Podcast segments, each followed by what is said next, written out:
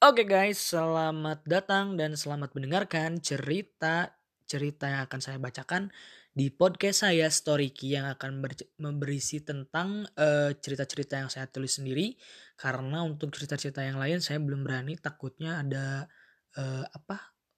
Karena ada hak cipta dan hak milik tapi ini murni semua saya tulis sendiri cerita yang saya juga publikasikan di Wattpad untuk kalian yang ingin membantu dan ikut mensupport uh, cerita-cerita saya, boleh kalian kunjungi cerita saya di Wattpad dengan akun RIKIRAMDN. Cerita yang akan saya bacakan kali ini adalah sebuah prolog dari cerita Insecure. Saya akan membacakan setiap bab Uh, kalau bisa setiap hari saya bacain setiap hari tapi kalau misalkan harus diberi jeda-jeda nanti saya kasih tahu jadwalnya seperti apa oke untuk cerita pertama insecure kita akan bacakan prolog dari Insecure. Prolog Insecure. Putri, begitulah julukan yang melekat pada diri Barah Maulida, perempuan yang kini genap empat tahun dipacari Iron Masashi, pengangguran ulung yang kerjaannya meminta password wifi milik Barah setiap kali dia apel di rumahnya. Ya, empat tahun adalah waktu yang cukup lama untuk Iron dan Barah saling mengenal satu sama lain. Hampir semua kebiasaan buruk Barah, Iron sudah mengetahuinya. Begitu juga sebaliknya.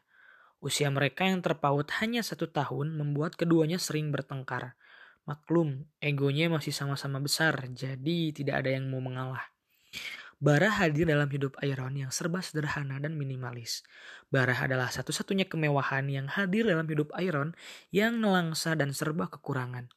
Bukan berlebihan, tapi Iron tidak memiliki pekerjaan tetap. Untuk ukuran lelaki berusia 26 tahun yang semestinya sudah memiliki pekerjaan tetap, Iron mesti memelas pada sang ibu yang sudah muak dengan gaya hidup anak bungsunya itu. Iron adalah duri di keluarganya sendiri. Kamu jadi cari kerja kan Ron? Tanya Barah sembari mengunyah keripik singkong yang dibeli di supermarket milik ayahnya. Masih nyari? Kamu kebiasaan deh. Jangan panggil nama gitu dong. Panggilnya sayang aja ih. Iron menjawab dengan nada gusar. Barah memang senang menjahili pacar yang ia temukan di kampus tempat ia berkuliah empat tahun lalu. Padahal kamu pas kuliah kan aktif banget, ikut himpunan pula. Barah masih menikmati keripik singkong yang tersedia di supermarket milik ayahnya itu. Atau mau aku tanyain ayah, biar kamu kerja di supermarket ayah aja.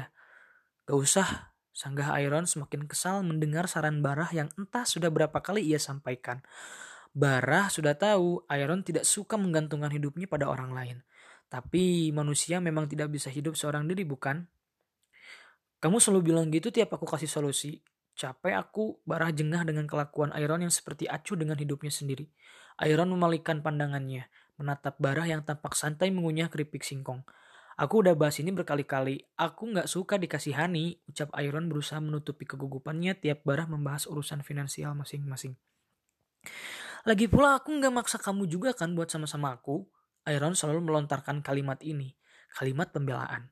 Barah meletakkan bungkusan keripik singkong di atas meja, menggigit bibir atasnya keras. Aku nggak merasa terpaksa buat sama-sama kamu. Aku cuma pengen kamu berusaha. Itu aja susah buat kamu. Barah selalu berbalas pembelaan diri yang dilakukan Iron. Pertengkaran ini sangat sensitif. Iron tidak ingin harga dirinya diinjak-injak. Meski kedua orang tua Bara sudah tahu seluk-beluk Iron dan memakluminya, tapi Iron tidak pernah meminta siapa pun untuk memaklumi keadaannya. Memang kamu pikir aku nggak berusaha? Memang kamu pikir aku ngemis-ngemis pekerjaan sama adikku itu sendiri itu bukan usaha? Hah? Iron hampir berteriak. Amarahnya memang tidak bisa ditandingi. Kalau ada kompetisi untuk menilai seberapa menakutkannya amarah seseorang, mungkin amarah Iron ini bisa mendapat medali perak. Aku capek kalau mesti berantem terus. Kamu gak pernah bisa nerima omongan aku baik-baik. Semua aja kamu anggap merendahkan kamu. Padahal aku cuma mau kasih kamu solusi. Barah beranjak dari sofa kesayangannya, mengambil segelas air. Iron tidak menghiraukan ucapan Barah. Kamu denger gak sih? Nada bicara Barah masih menentang. Ia ingin pertikaian ini dilanjutkan. Denger! Aku mungkin miskin, tapi aku gak budeg. Seketika Barah menghela nafasnya. Hari ini genap empat tahun mereka menjalin hubungan. percuma, percuma gak ada berubahnya sama sekali, lirih Bara. Emang percuma, percuma kan jalan komitmen sama cowok kere kayak gue. Iron mengambil tas gendong yang tergeletak di samping sofa tempat Bara duduk. Gue adalah ungkapan kemarahan paling tinggi dalam pertengkaran dua sejoli ini. Jika kata itu sudah keluar dari salah satu pihak, pasti ini akan berakhir pada pertengkaran yang teramat panjang. Mau ke mana? Tetap Bara menghalangi Iron yang sudah siap meninggalkan rumah megah, megah kepunyaan keluarga Baratama. Maunya dari hadapan Nyonya Barah Maulida, jawab Iron emosi. Kamu masih kuat berantem-beranteman kayak anak SMA gini, Ron? Barah juga tampak jengah menanggapi tingkah laku Iron. Makanya, karena udah muak, gue gak mau ketemu lo lagi, Iron menetapkan amarahnya. Seriously? Barah masih mencoba menghalangi kekasihnya. Iron bersikeras ingin pergi dari hadapan Barah, sementara Barah enggan memperpanjang masalah yang sudah teramat sering ia lalui ini. Ya udah, aku minta maaf, aku yang salah sayang, ucap Barah berusaha merendahkan amarah di danar mata Iron. Iron tidak bergeming. Gak perlu minta maaf, Mbak. Aku perlu waktu sendiri. Boleh kan? Iron tampak lelah untuk terus mempertahankan amarahnya. Ia lebih tenang sekarang. Waktu sendiri gimana maksud kamu? Barah tak mau terjebak dalam keadaan ambigu yang sering dibuat Iron. Bagaimanapun juga, Barah benar-benar sayang sama lelaki pengangguran satu ini. Kita sendiri-sendiri dulu. Kayaknya kita mesti mikirin lagi soal hubungan kita. Aku gak mau kamu nantinya ngerasa buang-buang waktu kamu, Iron berkelakar. Buang-buang waktu gimana, Iron? Apa sih? Kok jadi ke mana-mana gini masalahnya? Ucap Barah mulai resah. Kita break, Mbak. Ngerti kan? Iron tampak tak bisa disanggah. Barah terdiam. Iron meninggalkan Barah dengan wajah kusut dan ruang tamu yang berantakan. Sampai jumpa Barah.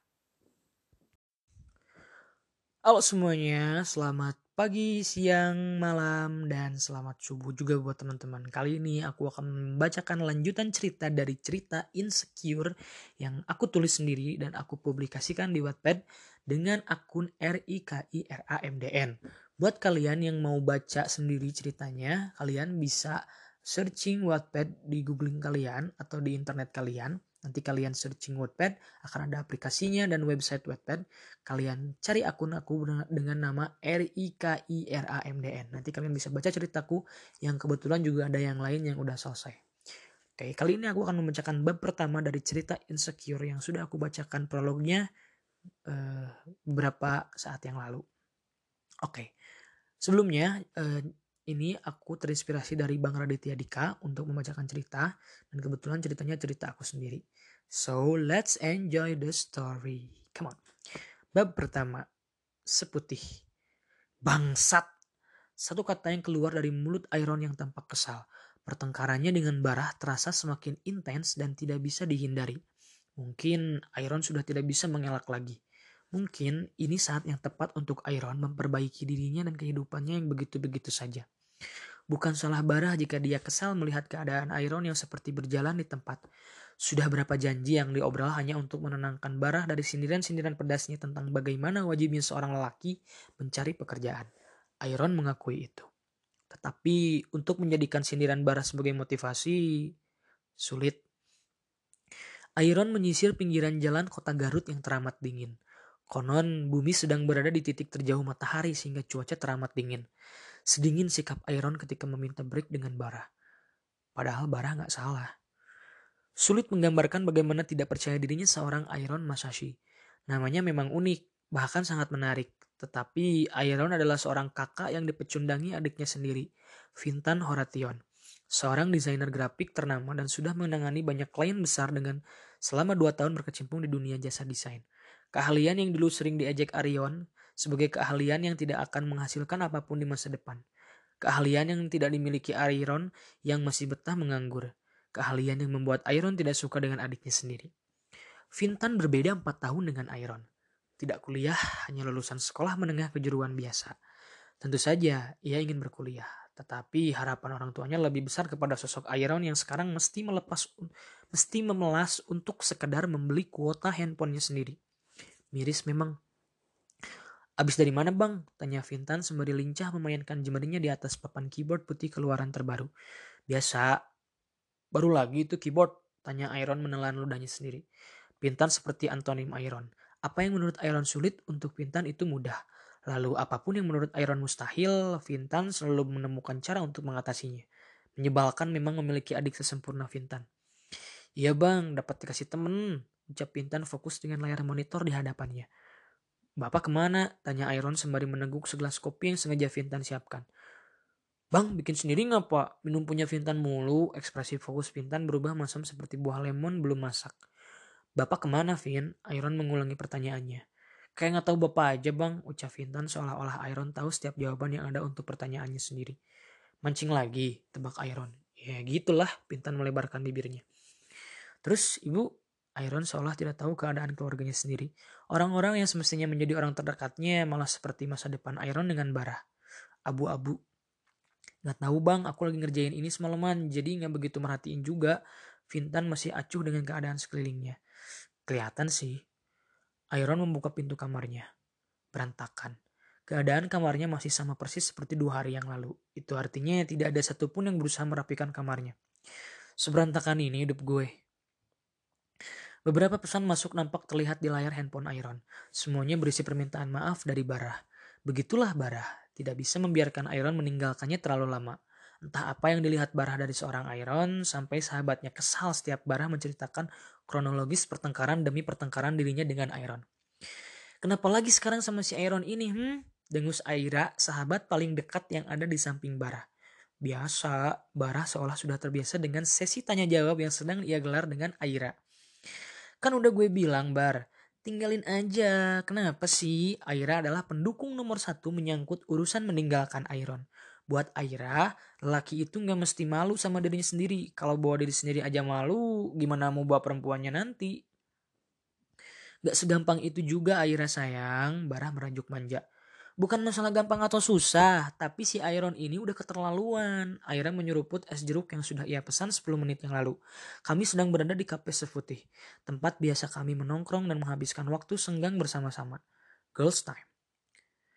Keterlaluan gimana maksudnya? Bara melahap roti bakar coklatnya segera. Rendah dirinya itu rendah dirinya itu udah keterlaluan bar. Kali ini Aira emosi. Eh sabar, gak boleh marah-marah. Nanti diplastikin sama Mas Braham. Mau? Mas Braham adalah barista di Seputih karena seringnya kami menghabiskan waktu di sini, kami sudah sangat akrab.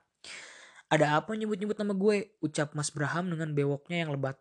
Tiap Mas Braham ikut nimbrung dalam obrolan kami, suasana pasti jadi lebih seru. Ini nih si Bara berantem lagi sama pacarnya mas. Keluh Aira sambil meremas jeruk yang tadinya menjadi hiasan minuman yang sudah habis ia seruput. Si laron-laron itu cari masalah lagi. Ucap Mas Braham memplesetkan nama Iron. Iron mas, bukan laron, ucap Barah membenarkan. Ya sama aja lah. Kenapa lagi sih itu cowok? Tanya Mas Braham menata kembali posisi duduknya.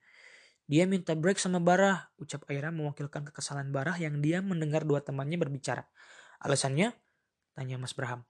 Ngerendahin diri sendiri, wajah Aira berubah ketus. Hah?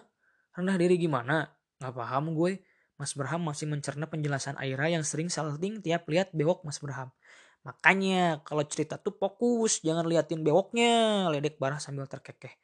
Berisik, diem gue mau bikin Mas Bram sepemahaman sama gue biar lo sadar. Aira bersikukuh. Panjanglah penjelasan Aira. Anak gadis satu ini kalau sudah bercerita memang sulit dihentikan. Oh, ngerti-ngerti. Gue ngerti. Mas Bram menunjukkan ekspresi pengertian. Gimana? Mending tinggalin aja kan mas? Tanya Aira meminta dukungan.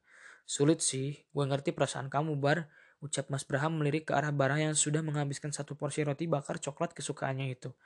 Hmm, diri Barah menanggapi. Lo masih nunggu dia buat berusaha kan? Tebakan Braham membuat Barah mengerlingkan matanya. Barah tidak menanggapi tidak menanggapi dengan serius ucapan Braham. Usaha apa lagi? Aira masih Aira malah masih kesal karena Braham membela Barah yang masih mengharapkan Airan berubah. Gini loh, yang namanya cowok ya pasti ada masa-masa sulitnya. Nah, ini si Laron, Iron Mas Braham, Barah membenarkan lagi. Iya itulah siapa gue nggak peduli. Nah, ini si Iron lagi ada di masa-masa itu. Lo tahu, kayak Steve Jobs lah. Ucap Braham memberi penjelasan yang malah terdengar aneh di telinga Aira. Jauh-jauh ke Steve Jobs, orang ini cowok nggak mau usaha sama sekali. Ih, Aira makin kesal. Sementara Barah hanya tertawa mendengar nada bicara Aira yang selalu mengundang gelak tawa. Maksud gue, bisa aja kan si Iron ini punya motivasi lebih buat dapetin hati Barah. Jadi dia berjuang juga buat memperbaiki diri dia sendiri. Obrolan tiga orang itu terlalu banyak untuk Tiga orang itu terlalu banyak untuk dihidangkan dalam kata-kata. Namun, Barah selalu terhibur dengan obrolan yang mereka berikan.